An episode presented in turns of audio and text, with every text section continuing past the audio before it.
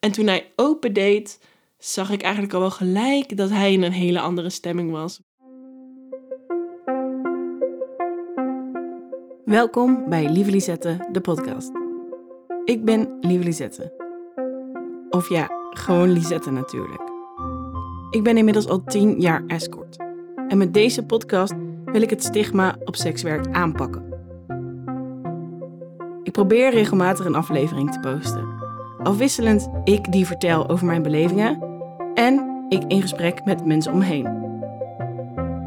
Wil jij alvast niks missen van deze podcast? Abonneer je dan en volg me op Instagram, het lieve laagstreepje Lisette.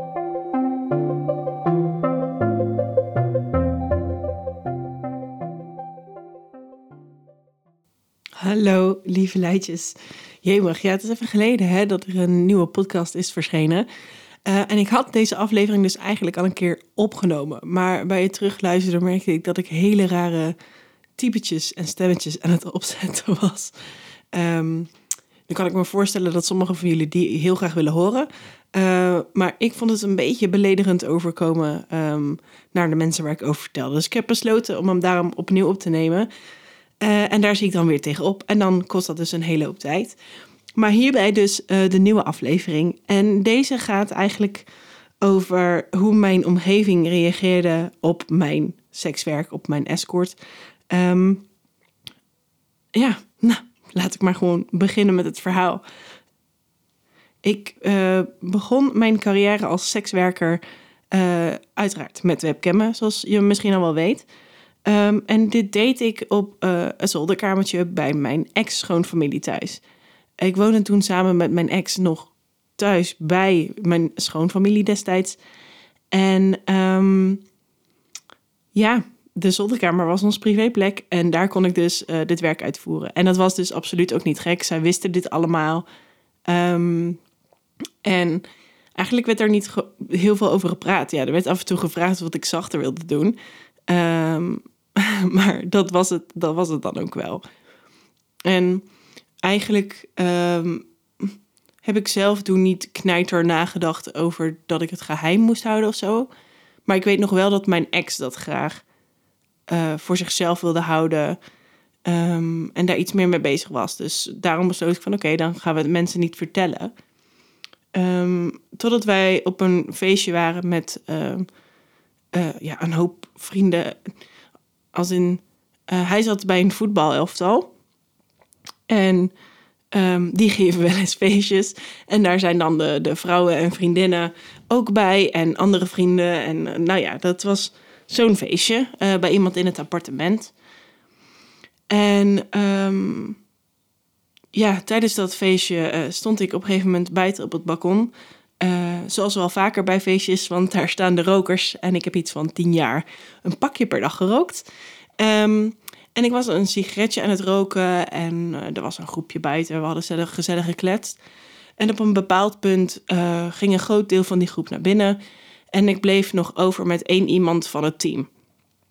Um, ja, en dit was een beetje, ja, goed, een gezellige uh, jonge man die eigenlijk altijd wel een beetje op zoek was naar de intiemere gesprekken. Um, daar stond hij in het team ook wel onbekend. En hij vroeg mij dus ineens: Ja, uh, gekke vraag misschien, maar draag jij misschien uh, soms wel eens een pruik? Ja, goed. Deze, deze valt natuurlijk niet als je mijn eerdere afleveringen niet hebt geluisterd. Uh, maar toen ik begon met webcammen, droeg ik een hele steile zwarte pruik. Um, omdat ik in het begin me druk maakte om herkend te worden, toch? Denk ik. Um, um, goed, ik had toch een idee van ik moet een beetje anoniem zijn. En daarom droeg ik die pruik. En hij vroeg hier dus naar. Dat was echt overduidelijk uh, waar dit dan over ging. Dus ik zei, ja, goh, jij hebt me gezien. En hij vertelde dus dat eigenlijk het hele team mij gezien had. Of ervan wist, of er is een foto rondgegaan. Ik weet dat niet precies meer. Maar er was blijkbaar iemand van een zaalvoetbalteam die ook voetbalde bij dit elftal. En die had het gezien en die had het natuurlijk tegen iedereen verteld. En ik dacht, oh mijn god, wat stom. Ik dacht, weet je, ik vond het vooral dus vervelend dat blijkbaar iedereen er vanaf wist. Ehm, maar niemand direct even aan ons zei van joh, uh, we hebben dit gezien. Um, alleen deze gast dus. En dat deed hij eigenlijk ook wel omdat hij het zelf gewoon een beetje spannend vond. En um, de oproer wou opzoeken of zo. en ik ben blij dat hij dat deed, want daardoor kwam het er wel uit. ik had toen een paar biertjes op. Uiteraard, op een feestje. en ben toen baldadig naar binnen gegaan en heb het een soort van in de woonkamer geroepen. Waardoor iedereen een beetje uh, beduust en uh, geschrokken reageerde. Was ook niet heel tactisch. Was alsof ja, nou oké, ik webcam dus. En jullie hebben het allemaal gezien. Zoiets. Ik bedoel, het is tien jaar geleden, maar grote kans dat het zoiets is geweest.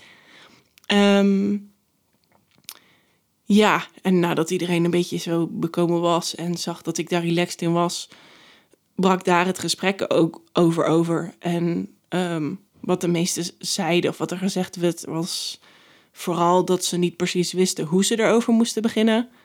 Um, omdat ze ook niet wisten of dat mijn ex ervan af wist en of dat het allemaal wel oké was. En ja, je wil ook niet um, daar juist onhandig in zijn, wat ik snap. Uh, maar ik denk dat er daardoor juist een beetje onhandig in is geweest. En ik denk ook dat het gewoon heel erg scheelt dat wij het zelf een beetje geheim wilden houden. Want dan geef je ook het idee dat mensen er niet over kunnen praten.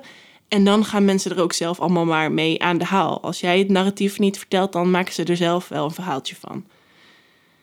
Um, ja, en dat was eigenlijk um, de eerste keer dat mensen zo openlijk over mijn carrièrekeuze uh, daarop reageerden. Daarna was het ook wel gewoon gezetteld. Um, want mijn ex heeft nog best wel een tijdje bij, uh, bij dit team gevoetbald. We zijn vaker uh, samen met het team naar feestjes geweest en bij feestjes bij mensen thuis geweest. En ook mijn overgang naar escort is nooit enorm besproken of zo. Dit was gewoon, dit was zo. En um, ja, prima, weet je wel. Ik ben ook echt nog wel vrienden met, uh, met mensen van deze groep. En Hm, ik denk pas zes jaar later in dat, um, dat ik escort deed uh, en het met mijn ex ook met de relatie niet zo goed ging, dat mensen zich afvroegen van hoe werkt dat nu precies tussen jullie en dat er af en toe serieuzere vragen werden gesteld. Uh, wat gewoon interesse is. Uh, zo, kun je dat ook met andere vrienden hebben. Um, alleen is het natuurlijk wel bij mij um, dat ik naar bed ga met andere mensen voor geld. Um, wat in het algemene relatiedynamiek niet gebeurt. Uh, maar dat was geen on onbespreekbaar iets. En uh, ook niet raar of zo, dat werd niet. Maar ja, goed, anders zouden deze mensen onze vrienden ook niet zijn geworden, natuurlijk. Um, en ja, eigenlijk, ik ben dus na drie maanden uh, webcammen overgestapt naar, uh, naar Escort. Um, en ik besloot ook daarbij, ik denk ook in overleg met, uh, met mijn ex, om uh, het nieuws een beetje zachtjes te vertellen aan de omgeving. We woonden dus nog bij mijn ex-schoonouders thuis. En ja, ik werd iedere keer opgehaald en kwam s'avonds laat thuis. Dus we moesten iets vertellen. Dus we besloten te vertellen dat ik um, massages gaf. Gewoon echt standaard massages. En heel soms, als mensen echt wel dik geld betaalden, gaf ik ook een happy end. Dat was het verhaal um, wat acceptabel zou zijn. En het was ook mega acceptabel. Uh, maar na twee weken was ik met mijn schoonmoeder, mijn ex-schoonmoeder, aan het kletsen. Um, over iets wat ik had meegemaakt, maar ik moest het dan verploemen als uh, iemand die ik een massage had gegeven. En ik dacht, dit is niks voor mij. Ik kan niet zo liggen. Dus eigenlijk heb ik in dat moment gewoon verteld van... ja, luister, um, ik geef niet alleen massages. Ik ben escort en ik vind dit gewoon heel leuk... en ik wil het allemaal met, aan jullie kunnen vertellen. En mijn schoonmoeder had ook echt zoiets van... ja, uh, waarom zou ik hierover moeten liggen, weet je wel... Uh, waarschijnlijk ook hallo, je hebt bovenop onze zolder uh, webcam uh, werk gedaan. Zal dit voor in onze ogen niet oké zijn of zo.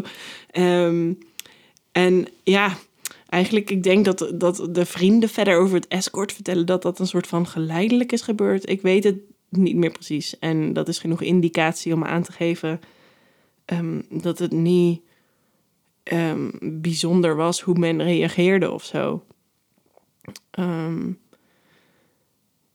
Ja, ik had op een gegeven moment wel als escort in, in de stad waar ik ook ben opgegroeid, dat ik bekenden tegenkwam. Um, zo was er. Ik was ooit in mijn puberjaren cashier bij de Albert Heijn. En daar was een vaste klant waar ik altijd een soort van mee flirte. Ook al wist ik zo jong nog niet precies wat flirten was. Um, maar achteraf duidelijk, ja, wij waren aan het flirten. Uh, en die heeft mij ook nog een keer geboekt als escort. En een collega van een, een telefoonbedrijf waar ik ooit heb gewerkt. Um, en zo ben ik dus ook een keertje uh, geboekt voor een vrijgezellenfeest voor de vrijgezel. Dus er waren vier vrienden die uh, mij geboekt hadden als verrassing voor de vrijgezel om een beetje te fucken of whatever te doen. Uh, ik bedoel, fucken, niet als in letterlijke penetratieseks hebben.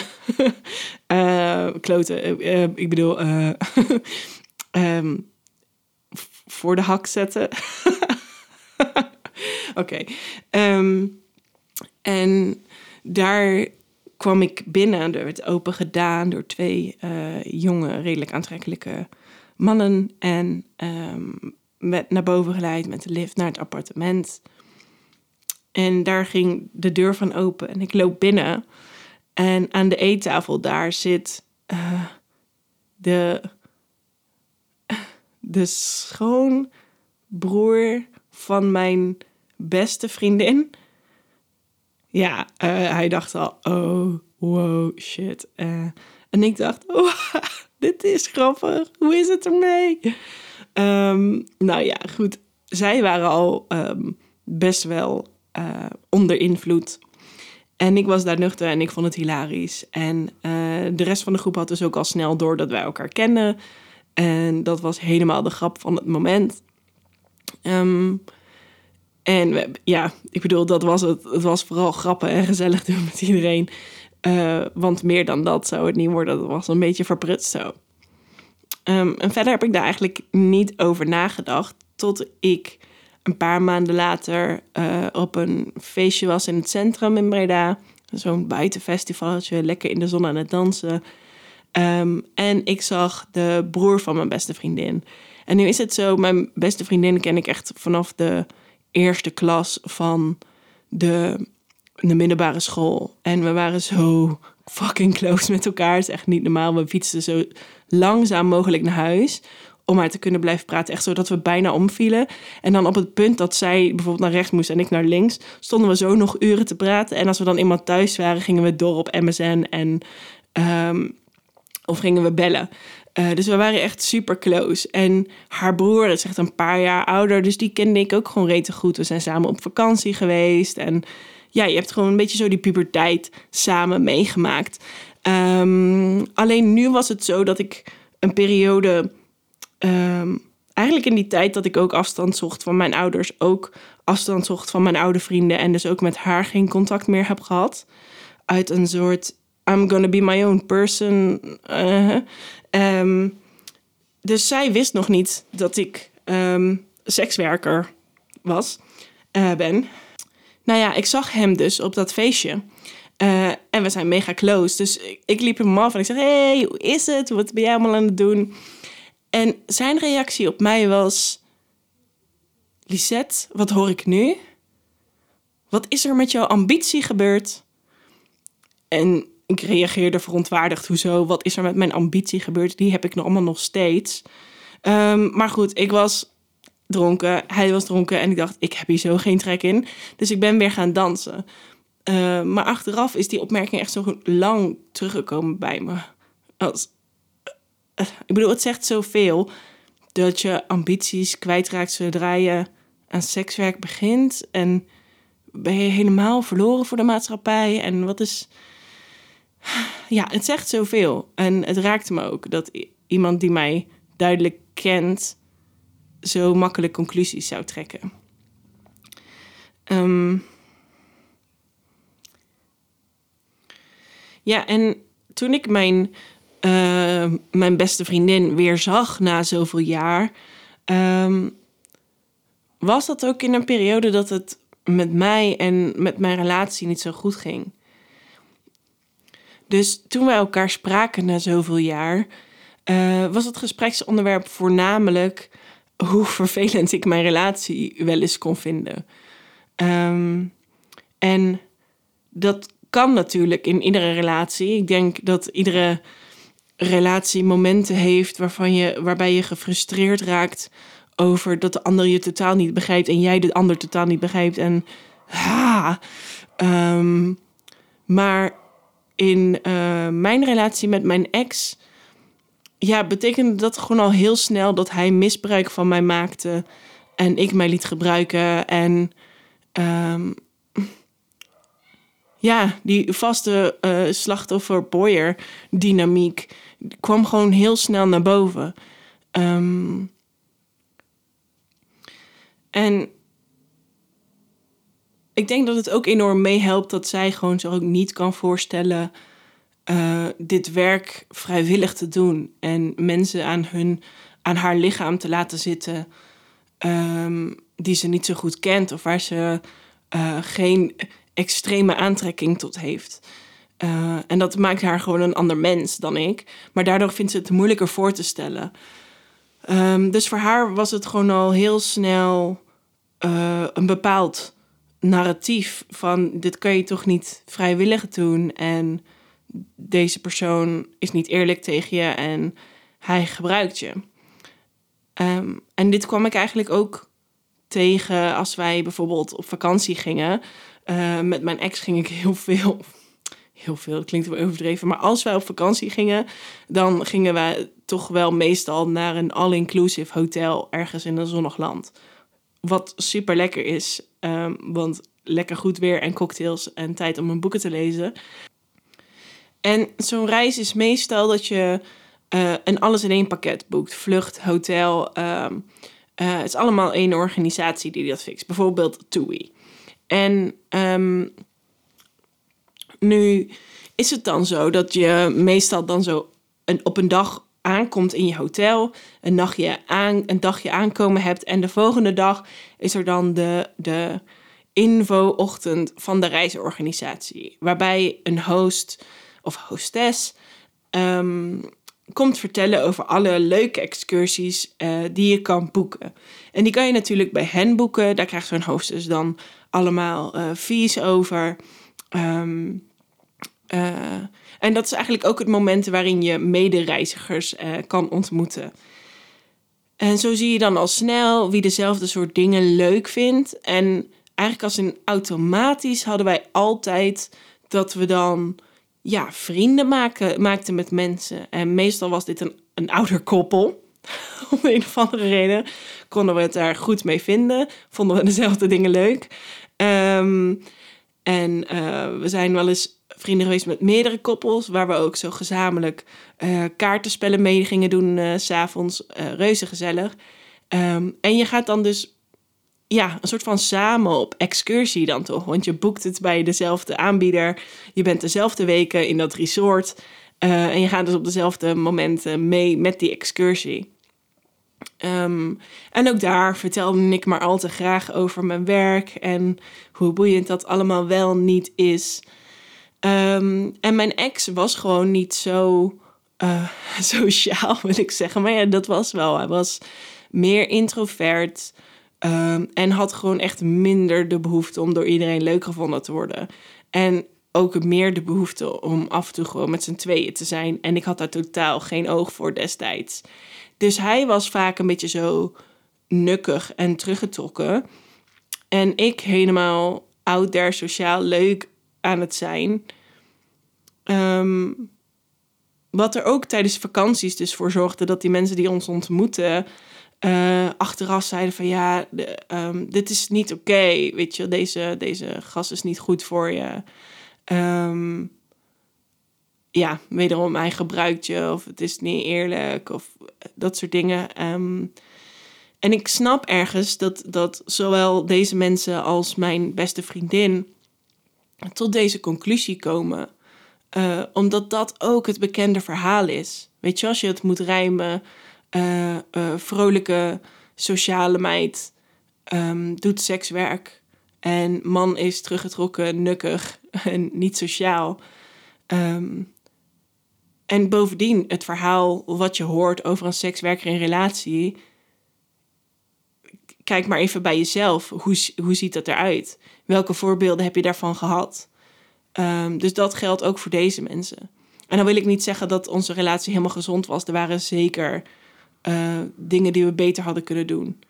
Um, maar dat ligt net zoveel aan mij als dat dat bij hem ligt. En de dynamiek die wij samen hadden. Um, en het is ook zo dat ik, doordat het dus in dit standaard narratief viel, ik absoluut niet wilde kijken hierdoor naar wat er eventueel mis was met onze relatie. Want ik dacht gewoon, deze mensen snappen het niet. Deze mensen zien hem niet en zien hem niet als een volledig persoon. Uh, misschien mij ook niet als volledig persoon. Dus ik keek daar gewoon verder helemaal niet meer naar. Ja, en, en die voorbeelden, die verhalen die dus in de maatschappij uh, dominant zijn, um, zijn in mijn beleving ook bepalend geweest over het allervervelendste um, wat ik door vooroordeel meemaak. En dat is dat uh, mijn beste vriendin, die heeft uh, twee prachtige dochtertjes gekregen. En is vorig jaar zomer getrouwd. En haar man ziet mijn werk als, als iets wat absoluut niet kan. Maar zij hebben dus samen besloten dat ik niet bij de kinderen in de buurt mag. En dat is niet omdat ze denken dat ik allerlei gekke dingen ga doen met de meiden. Um, maar omdat zij sekswerk absoluut niet als optie aan hun dochters mee willen geven. Hoe dan ook, ik bedoel, het is niet dat zij denken um, dat als ik in de buurt ben, dat zij dan automatisch sekswerk zullen gaan doen. Maar zij zouden, mocht het ooit zo zijn dat e-, een van hun kinderen sekswerk gaat doen, zouden zij zelf niets hebben willen bijdragen aan uh, het, het toebrengen van dat besluit. En als ik dan bij hun thuis zou komen als vriendin van mama, komt er op een gegeven moment, als de dochters ouder zijn, de vraag: wat doet Lisette eigenlijk? Um, dan één, wil je niet liegen tegen je kinderen, dus ga je dat uitleggen. En dan breng je het dus in als iets normaals. En dat is fundamenteel tegen um, wat zij daarvan vinden. Um, en nu, nu weet ik, voor veel mensen klinkt dit mega heftig als ik zeg: ja, ik mag haar kinderen niet zien. Ik zie ze gelukkig wel via filmpjes en zo. Daar moet ik het mee doen. Maar uh, ja, ik snap dat ook. Dat is ook, dat is ook wel heftig. Um, ik vond het zelf ook echt niet tof. En ik denk dat zij het ook echt niet tof vond om het mij uh, te vertellen. Um, en ik heb zeker op het punt gestaan, uh, op meerdere keren op het punt gestaan, om tegen haar te zeggen van joh, als je er zo over denkt, dan kunnen wij geen vrienden zijn. Maar zoals ik eerder al zei, zijn we mega close. Ook al spreken we elkaar nu echt niet meer zo vaak en zoveel als vroeger. Uh, voor mij is die vriendschap gewoon zoveel waard. Um, en natuurlijk vind ik het jammer dat ik haar niet kan helpen als ze oppas nodig heeft, of als ze ziek is, of als ze een kinderfeestje heeft en dat ik niet standaard bij de verjaardagen kan zijn. Um, maar ja, ik zou echt het nog meer pijn en verdriet en gemis voelen als ik heel die vriendschap niet zou hebben. Maar ja, goed, het is, blijft wel een, uh, een pijnlijk iets wat ik meemaak. Echt puur vanuit uh, het negatieve beeld op sekswerk. Nu zijn veel van de dingen die ik vertel heb gewoon de dagelijkse leven, mensen die je tegenkomt, familie, vrienden. Oh, ik heb het nog niet eens over mijn eigen familie gehad. Uh, want die heb ik het echt niet snel verteld. Um, nou ja, dat is snel is natuurlijk heel erg afhankelijk van, uh, van perspectief. Maar mijn schoonfamilie had ik het dus na twee weken verteld. En ik heb het mijn eigen ouders na een jaar, denk ik ongeveer, verteld. Gewoon omdat ik besloot, ja, nu mogen zij onderdeel zijn van dat stukje van mijn leven. Het is niet dat ik dacht dat mijn ouders me enorm zouden veroordelen. Um, het was gewoon iets wat ik voor mezelf wilde houden, waar zij even niks mee te maken uh, hadden. En ik was klaar om ze weer uh, verder bij mijn leven te betrekken. En ja, god, we, we waren er op bezoek en ik, heb, ik vond het wel spannend. Um, en ik zei, ja, ik wil jullie iets vertellen. Ik ben namelijk begonnen met webcam en um, ik werkte als meesteres.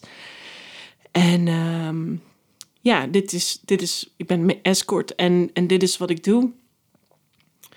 En mijn vader, die kan dan gewoon ja knikken en oké. Um, en mam, die kan altijd die verbijsterd zijn, dus dat was nu ook.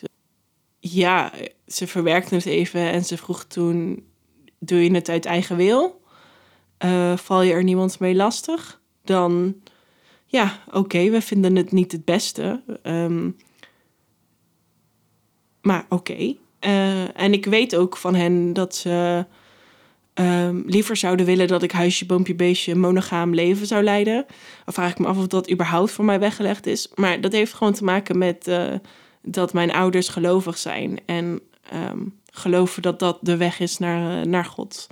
Um, maar ik ben thuis daar ook nooit op aangekeken of uh, veroordeeld. En weet je, ik heb nog wel een moment gehad dat mijn moeder op een feestje, uh, toen het dus al een tijdje niet zo goed ging tussen mij en mijn ex, nog naast mij kwam zitten, hand op mijn schoot legde en zei: Lisette, dat werken, is dat echt, echt vrijwillig? Waarop ik mijn ogen rolde en zei: Ja, mam, uh, dat is echt vrijwillig. en nou, dan was het, weet je wel. Dan zei ze: Oké, en verder heeft ze daar niet meer naar gevraagd. En ik denk ook nu dat ze zien dat ik. Um, weg ben bij mijn ex en een nieuwe relatie heb en we gelukkig zijn, ik gelukkig ben, um, dat het gewoon ook oké is. Mijn moeder, mami, die uh, begint ook steeds meer mijn interviews en zo te lezen. Wat ik echt onwijs tof vind. Want ik dacht voorheen dat ze er vooral niet naar wilde kijken. Uh, zo van het bestaat, maar ik kijk er niet naar. En nu is ze echt meer, meer betrokken daarbij. En ja, daar ben ik eigenlijk heel erg blij mee. Um, Um, maar goed, buiten familie kom je natuurlijk ook op plekken. Um, ik heb dat heel lang niet gehad, omdat ik dus automatisch als sekswerker in mijn eigen bubbeltje begon te leven. Ik weet niet of dat per se als sekswerker is, maar voor mij persoonlijk, uh, ik had de behoefte om me af te scheiden vanuit mijn oude leven, zoals ik aangaf. Um, maar mijn nieuwe leventje werd daardoor best wel klein. Bestond uit mijn schoonfamilie, mijn, uh, mijn ex, mijn vriend destijds en die vrienden. En eigenlijk deed ik niet zo heel veel qua hobby's of mensen buiten mijn uh, eigen bubbel. Um, terwijl ik heel erg lang al dol was op toneelspelen, al vanaf de middelbare school. Uh, maar steeds ja, kwam het er niet van. Of werk leek belangrijker. Of, ja, het, het kwam er gewoon nooit echt zo van. Tot ik weg was bij mijn ex. Toen uh, woonde ik op mezelf in een appartement in Breda. Ik had Jochem leren kennen via de dating app. Uh, Jochem is de gast van de tweede aflevering. Nee, wacht. Van de vierde aflevering van deze podcastserie. Dus als je daarover meer, meer wil horen, dan luister dan even terug. Um, maar Jochem die speelde dus toneel bij de Nieuwe Vesten in Breda. Zo'n cultuurhuis waar je cursussen kan volgen.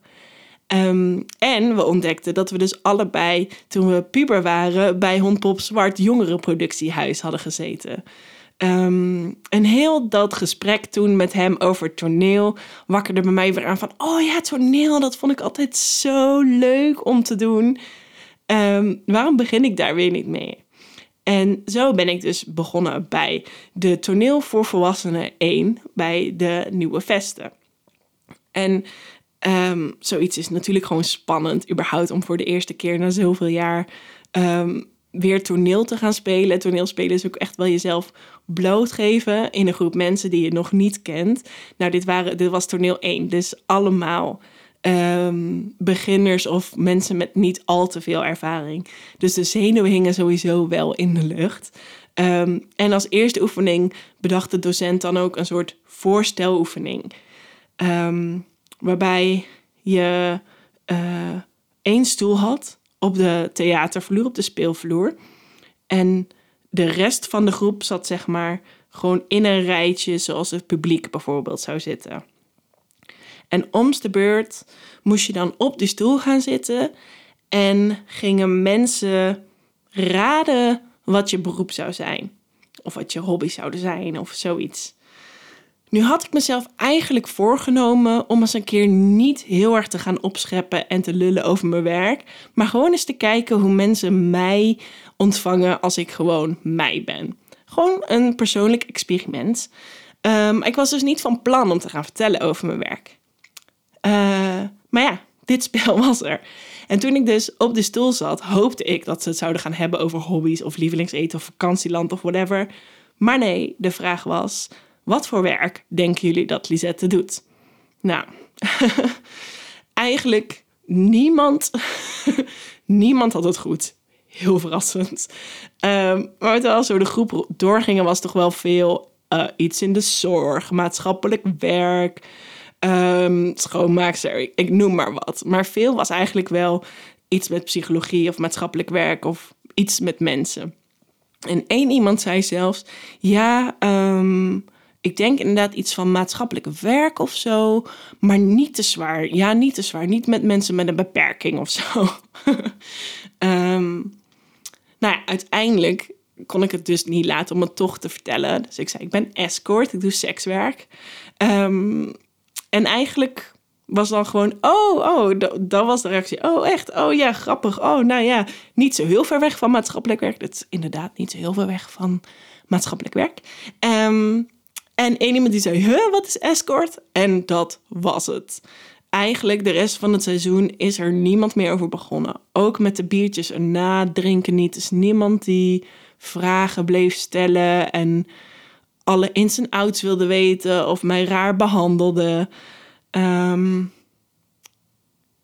ja, dat was, dus, dat was het gewoon. Er was niks bijzonders aan. Um, en uiteindelijk daar ben ik na deze toneelcursus nog de toneel 2 gaan doen. En werd mijn enthousiasme voor toneel gewoon theater er nog veel harder aangewakkerd. En besloot ik auditie te gaan doen bij uh, de Fontes uh, voor de opleiding doseren theater maken. Nou, in deze opleiding moet je drie dagen lang auditie doen, wat fantastisch was. Uh, en ik was door. Yay! Ehm, maar om deze opleiding te doen, moest je ook stageplekken gaan zoeken. Dus eenmaal in de zomer had ik mijn um, gesprek met de coördinator over: oké, hoe gaan we deze opleiding nou precies aanpakken voor jou? En ik moest dus een stageplek gaan zoeken. Omdat ik op mijn middelbare school uh, mijn eerste theaterlessen had gehad van iemand die uh, deze opleiding ook had afgerond, adviseerde ze mij dus om aan haar te vragen of dat ik op de middelbare school uh, stage kon lopen. Ik had haar via Instagram een bericht gestuurd en daarna nog een officiële mail, maar ik hoorde maar niks meer van haar terug. Dus heb ik via via haar telefoonnummer kunnen krijgen en dacht ik: oké, ik ga er maar even bellen. Nu hou ik absoluut niet van bellen, dus dit vond ik überhaupt al spannend. Um, maar ja, soms als je resultaten wilt, bellen is sneller. Dus dat besloot ik te doen. En toen ik haar aan de telefoon had, werd het al heel snel duidelijk dat ze dacht: ai, uh, ik weet niet zo goed hoe ik hiermee moet dealen. Um, ze begon me uit te leggen dat het werk wat ik doe aan zich niet uh, verkeerd is.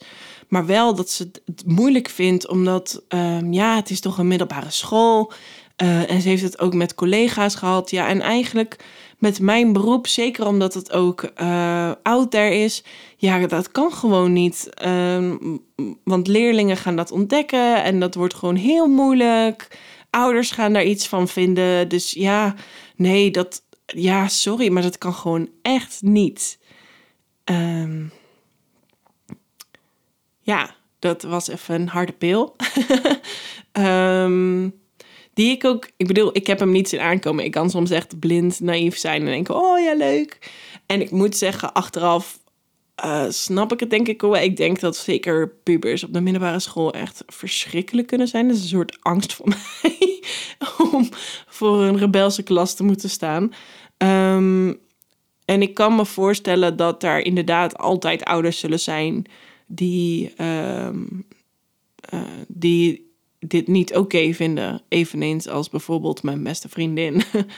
um, of leerlingen die het ontdekken en dan terug gaan doen.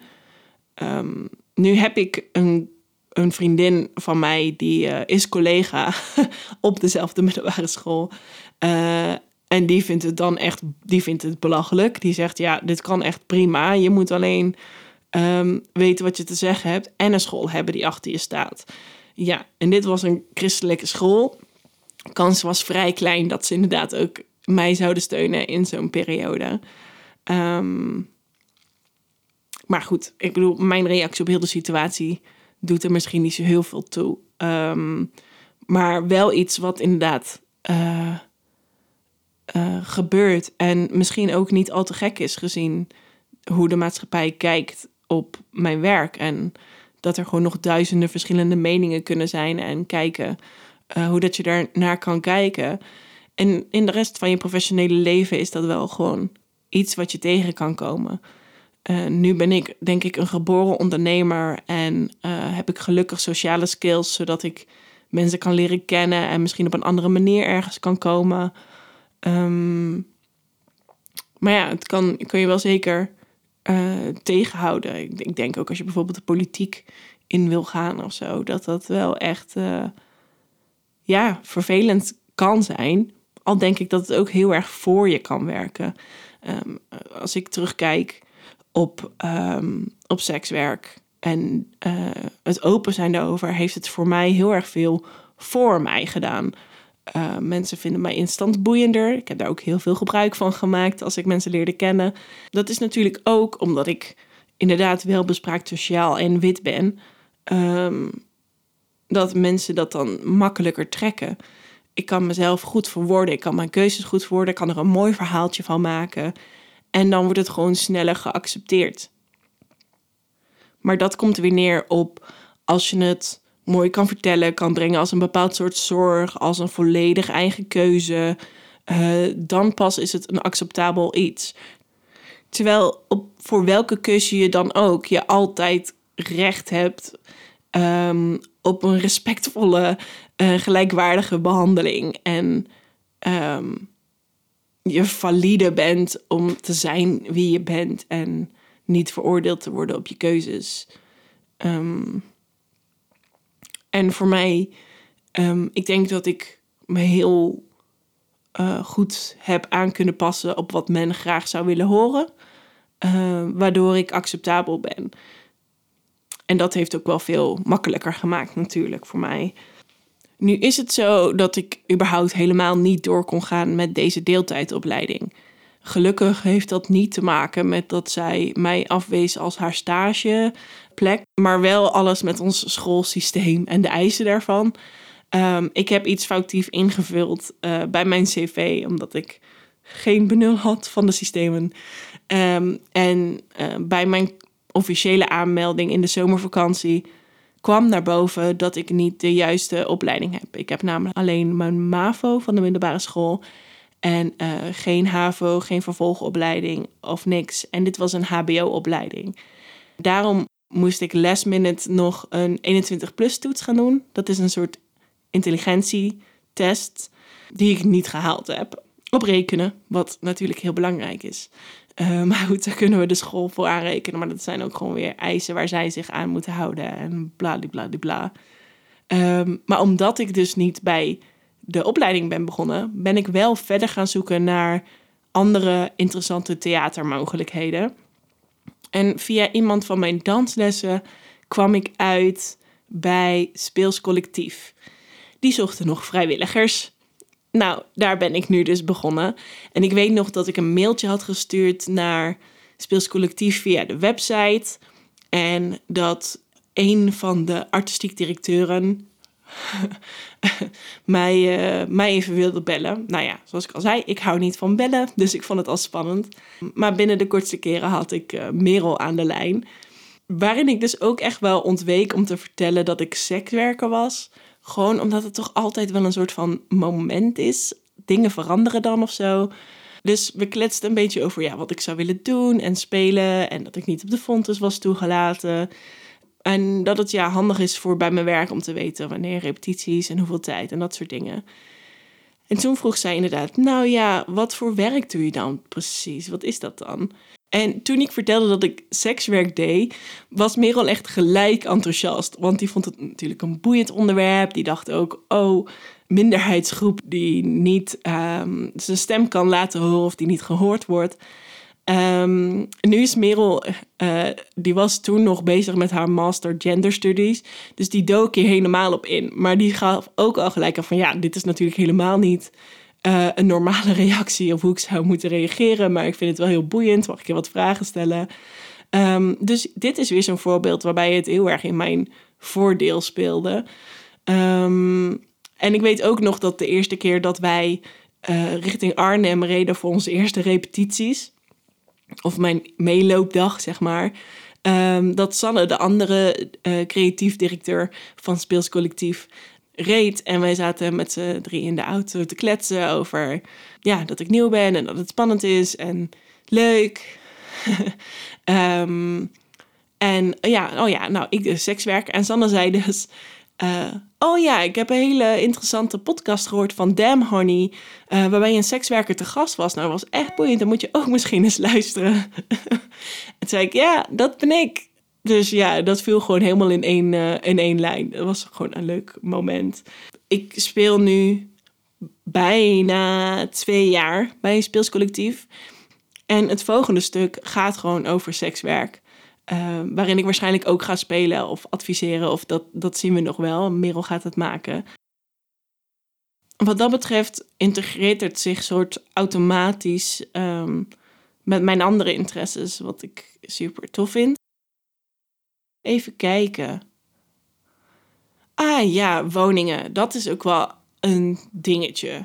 Um, als ik ook luister in de, in de sekswerkcommunity uh, is het voor veel sekswerkers moeilijk om een woning te vinden. Als je misschien seksengelen hebt gezien op NPO 1, zie je ook dat uh, sekswerker Moira um, uit huis geplaatst wordt, gestuurd wordt. Um, omdat haar buren volgens mij gezegd hebben dat zij sekswerk vanuit huis doet. Um, en de huurbaas wil daar niks van hebben. En ja, moet ze gewoon ineens haar woning uit. En dit zijn dingen die ik wel vaker hoor. Uh, ook bijvoorbeeld met sociale huur, dat, um, dat je dan je huurhuis uitgezet kan worden. Um, en ja, ik, ik moet zeggen, ik heb die ervaringen niet gehad. En ik denk ook wederom dat ik daar enorm mee bof. Ik denk dat het heel erg helpt met um, dat ik toch een gangbaar uiterlijk heb en uh, welbespraakt ben. Dat soort shit. Um, werkt gewoon echt wel mee in hoe dat mensen je beoordelen. Uh, na mijn relatiebreuk met mijn ex een paar jaar terug ben ik eigenlijk best wel snel naar woningen gaan zoeken. En ik had binnen een maand had ik ook een woning via een makelaarskantoor wat het in beheer hield voor iemand die het als investeringspand gebruikte. En eigenlijk, ja, weet je, ik ben daar gelijk ook eerlijk geweest over mijn werk. En dat was allemaal prima. Eerst stond mijn vergunning ook niet op dat pand, maar daarna uh, moest, moest ik mijn vergunning verhuizen. En het meest logische is dan mijn woonadres. En daar heb ik toen ook de makelaar over gecontacteerd. We hebben een speciaal contractje gemaakt met voorwaarden. Um, gewoon om echt eerlijk te stellen dat um, ik geen klanten daar mocht ontvangen. Ehm, niet voor overdag moet zorgen, alleen maar administratieve taken, weet je wel, dat, soort dingen. Ehm, en dat heeft puur te maken, denk ik, met dat mensen zichzelf willen indekken. Volgens mij is het ook zo dat als ik wel daar zou ontvangen, dat de huisbaas dan verantwoordelijk is daarvoor. Of stel dat er inderdaad illegale dingen gebeuren, dan is de huisbaas verantwoordelijk ervoor. Dus ik snap heel goed als ondernemer dat je jezelf dan gewoon indekt. Wat ik daar wel gehad heb, is dan dus omdat het contract gewijzigd was en uh, de vergunning op het pand kwam te staan, kreeg de vereniging van eigenaren dat ook te zien. Nu weet ik niet of, je toevallig uh, ervaring hebt met een vereniging van eigenaren. Maar dat zijn vaak toch wel mensen die iets te veel tijd over hebben en alles in de gaten willen houden. Snel zorgen maken over um, ontregelingen. Um, en zij klaagden dus ook al heel snel bij um, uh, de makelaar uh, over mijn escortvergunning uh, in het appartementencomplex. En daar kwamen dus ook de verhalen bij met dat ik thuis zou ontvangen. En dat ze dat hebben gezien, dat ze verschillende mannen bij mij in mijn appartement hebben naar binnen zien gaan. Um, dat vond ik echt heel moeilijk. Want ik dacht, ik kan sowieso niet tegen als ik vals beschuldigd word, dan raak ik echt een soort van in paniek. Um, maar dit was ik gewoon niet. Dit was gewoon niet zo. En uh, het werd gezegd van wel. En dat zou dus mijn contract kosten en mijn woning kosten. Dus ik heb mezelf verdedigd daarin. Um, en nou ja, ze zeiden van, nou, ze hebben het extra gecheckt. Extra, weet je wel, van echt, Lisette, echt. Ja, echt. um, en hebben het daarmee laten rusten, omdat er dus gewoon echt geen bewijs van was. En moest men dan maar verzamelen. Um, en het was wel in de periode dat ik ook op Tinder zat en zo. Dus er zijn echt wel mensen op bezoek geweest. Uh, maar dat zou dan dus niet kunnen of gelijk verdacht zijn, omdat ik ook een escortbedrijf heb. Echt. Maar ja, zo snel werkt dat soms bij mensen. En dat is dan ook gewoon pure angst. Het is vaak gewoon angst. En die angst komt gewoon uit ontwetenheid en slechte, beperkte informatie. Um, en dat was ook zo bij mijn huidige huisbaas. Um, want het appartement waar ik in woonde heb ik tijdens de eerste lockdown de huur van opgezegd. Omdat we toen echt nog geen idee hadden van hoe lang uh, deze COVID-situatie zou duren, hoe lang de lockdown zou duren. Um, en het was een vrij uh, prijzig appartement. Dus ik zag mijn spaargeld gewoon al opgaan aan überhaupt een woning. Uh, terwijl ik niet mocht werken. Dus ik heb dat appartement opgezegd en ik heb toen een tijdje uh, bij mijn beste vriend in Zeeland gewoond. En dan af en toe uh, bij mijn huidige relatie in, in Tilburg. En nadat de lockdown een beetje voorbij was en dingen er weer normaal leken eruit te zien, hebben wij besloten om te gaan samenwonen in Tilburg. En ook hiervoor hebben we een particuliere huurder gezocht. Super veel geluk gehad met het huisje. Vrienden van vrienden kenden mensen die uh, gingen verhuizen en uh, die mochten mensen aandragen. En wij hadden ons dus al helemaal opgedirkt voor ons kennismakingsgesprek. Wat eigenlijk hartstikke goed verliep bij, bij deze mensen thuis. Um, we, moeten, we ontmoeten als eerste de, de huisbaas, wat een beetje, ja, echt een Brabantse boer eigenlijk is. Um, harde werker, man van het volk. En hij ontving ons heel fijn in zijn keuken op de boerderij. Waarin we elkaar voorstelden. Uh, zeiden dat we er graag wilden wonen. En ik vertelde dus ook wel meteen dat ik escort ben en dat ik mijn escortvergunning op het uh, pand zou willen zetten uiteindelijk. En hij had zoiets van, nou ja, geen probleem. En we spraken af om er nog even een weekje over na te denken. Daarna eventueel een afspraak te maken om het contract te tekenen. Nou, na een weekje wisten wij wel dat we er wilden gaan wonen. En we hadden dus die afspraak gemaakt om het contract te tekenen. En uh, wij stonden hartstikke vrolijk bij hem aan de deur. Yes, we gaan het contract tekenen. Feest, feestelijke stemming. En toen hij opendeed, zag ik eigenlijk al wel gelijk dat hij in een hele andere stemming was. Een beetje vijandig, afstandig. uh, norsig, deed hij de deur open. Nu uh, kan mijn vriend totaal blind zijn voor dit soort uh, signalen. Dus ik kon met hem ook niet even levelen van... hé, hey, er gaat iets niet helemaal goed hier. Hij liep gewoon een soort van blind de valkuil in. En ik begon al een beetje in mijn ademhaling, op mijn ademhaling te letten van... oké, rustig, even afwachten wat hier gaat gebeuren. En toen ik de keuken inliep, zag ik een krantenknipsel op tafel liggen... waarin de kop stond elf prostituees opgepakt bij illegale thuisprostitutie in Tilburg. Ik zag hem al hangen. en wat het dus zo was, is dat ze uh, één niet hadden begrepen dat het om een vergunning ging. En uh, daardoor uh, eigenlijk lesmidden nog een hele hoop vragen hadden en onzekerheden. En dus ook met dat krantenknipsel van ja, hier hebben wij geen trek in. wij willen niet verantwoordelijk gehouden worden voor dit soort onzin. en er was ook angst dat bijvoorbeeld de verklaring van goed gedrag in, uh, in het geding zou komen als er bijvoorbeeld iets mis zou zijn in mijn bedrijf. Uh, dus allerlei dingen die uitgezocht moesten worden. En we spraken dus lang. en het was een intens gesprek waarin ik ook echt wel af en toe uh, mijn vriend moest kalmeren. Want die had dit nog nooit meegemaakt dat er ineens een aanval aan werd gezet. Um, en beschuldigingen ook vanuit het niets. We hadden niks gedaan om maar aan te tonen dat wij dergelijke dingen van plan waren. Uh, maar ja, ook voor hen geldt gewoon dat het, het nieuw was, onzeker. De verhalen die ze ervan kenden waren crimineel of slachtoffers. En ja, ze wilden gewoon wat zekerheid zichzelf indekken. We hebben toen die middag wat afspraken gemaakt, bepaalde voorwaarden onder waar, waaronder het goed was. Uh, bijvoorbeeld dat als er extra werk gevraagd zou worden vanuit de gemeente voor de huurbaas, dat ik dat vergoed. Um, dat er inderdaad geen uh, uh, thuisontvangst zou plaatsvinden. En als mijn vergunning nog op een ander adres zou mogen staan, dat dat dan uh, goed is. Dus bijvoorbeeld een postadres of zo. Sommige bedrijven mogen dat. En dat was het eigenlijk. Maar ja, het was wel even intens om dat, uh, om dat zo mee te maken. We wonen er nu en we wonen er hartstikke gelukkig. Samen met mijn, uh, met mijn nieuwe vriend, zo nieuw is het niet meer. We zijn inmiddels drie jaar bij elkaar. Um, en hem heb ik leren kennen via uh, een dating app. Oké okay Cupid, wat ik een leuke, wat open-mindere dating app vond.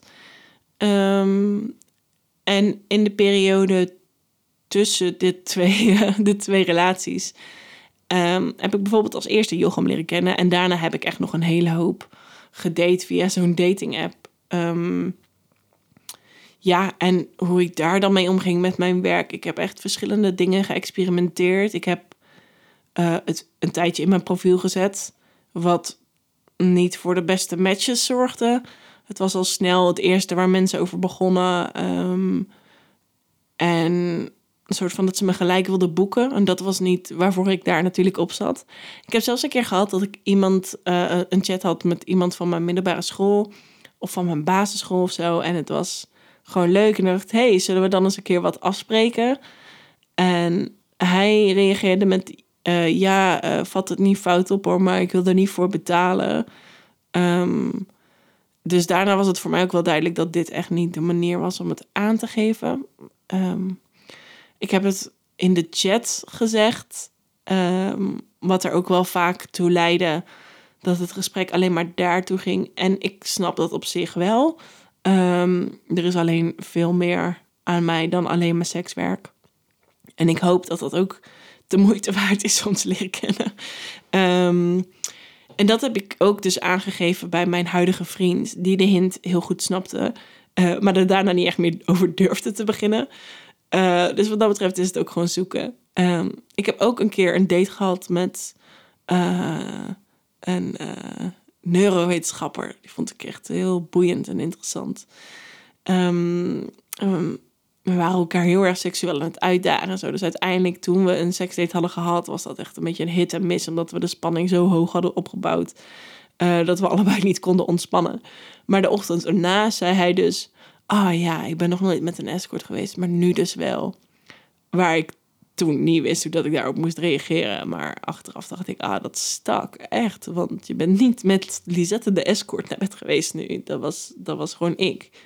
Ehm, en ik heb het ook wel eens tijdens dates verteld. Maar dat vond ik ook altijd een beetje ongemakkelijk. Ik heb ook een keer gehad dat ik uh, een flirt had met iemand in de sauna. Dat was echt reet spannend. Zo elkaar een beetje opzoeken en uh, gesprekjes voeren. Uiteindelijk. En hem vertelde ik het ook. Maar die flirt was echt totaal voor mij gewoon spannend. En misschien een keer een seksueel avontuur. Uh, maar toen ik hem vertelde dat ik escort was, was zijn reactie...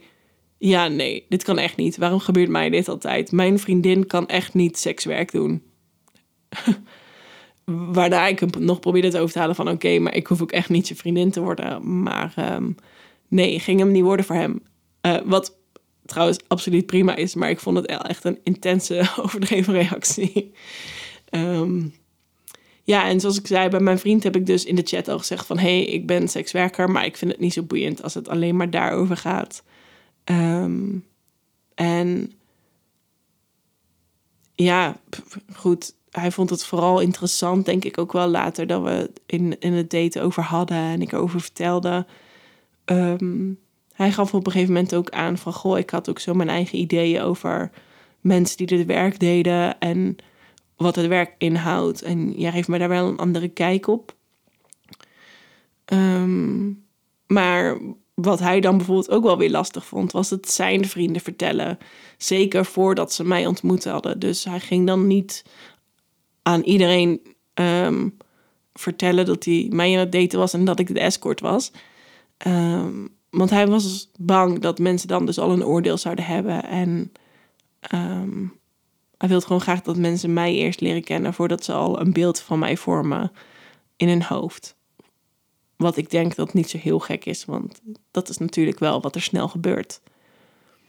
Ja, en zelf ben ik sinds een aantal jaren wat meer aan het zoeken naar uh, hoe ik het kan vertellen en hoe ik daar mee om kan gaan. Ik gaf het al een beetje aan, maar in de, in de eerste jaren vond ik het gewoon vooral heel cool van mezelf. En gebruikte ik het om uh, positieve aandacht te krijgen, de interesse te wekken en boeiend te zijn. Um, maar na verloop van tijd uh, ontstond daar ook een soort armoede in. Van inderdaad, ik ben toch nog wel veel meer dan alleen mijn sekswerk. En ik hoop dat mensen mij boeiend genoeg vinden om mij te leren kennen um, buiten mijn sekswerk om. En ik ben ook veel meer van, mijn, van die persoonlijkheid uh, gaan onderzoeken en aan het onderzoeken. Um, en ja, dat maakt het soms nog een beetje ongemakkelijk. Ik heb wel eens tegen uh, iemand het tegen neus door, tussen neus en lippen door willen zeggen. Um, die had het bijvoorbeeld over de, de Women's March of zo. En dan vertelde ik, oh, daar was ik ook. En dan met de groep sekswerkers. Ja, want ik ben ook sekswerker. Gewoon zo, als een, alsof het gewoon een heel normaal iets is. Uh, en zij reageerde daar ook heel neutraal op. Alleen maanden later kwamen we dus achter dat het helemaal niet was aangekomen. dus uh, die had gewoon gehoord van, oh ja, Women's March, bla bla bla. Interessant. Um, afgelopen zomer tijdens het EK waren wij uh, voetbal bij vrienden van een vriend van ons aan het kijken. Dus die ken ik nog niet zo goed. En zij is biologie-lerares, wat ik super interessant vind. Dus daar hadden we het zo over en dat ik haar werk vet vind. En uh, toen vroeg ze het dus ook aan mij: van wat doe jij dan?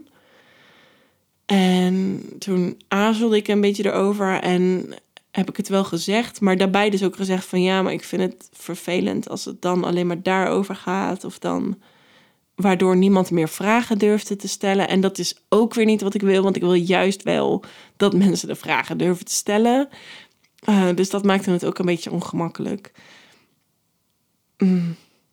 En soms vertel ik het ook gewoon niet meer. Als ik gewoon even random een oude kennis tegenkom en die vraagt: Wat doe jij nu? Dan kan ik wel eens liegen. Um, omdat het gewoon wel iets doet of zo. Ja, ik denk echt wel dat mensen me soms echt minder boeiend vinden. Totdat ze ontdekken dat ik sekswerker ben. En dan denken: Oh, er zit een, een heel universum mens achter jou. Um, Maar goed, de angst is dan dus ook meteen dat dat het enige boeiende aan me is. En dat wil ik niet. Ehm, dus ja, dat is een beetje hoe ik er nu in sta.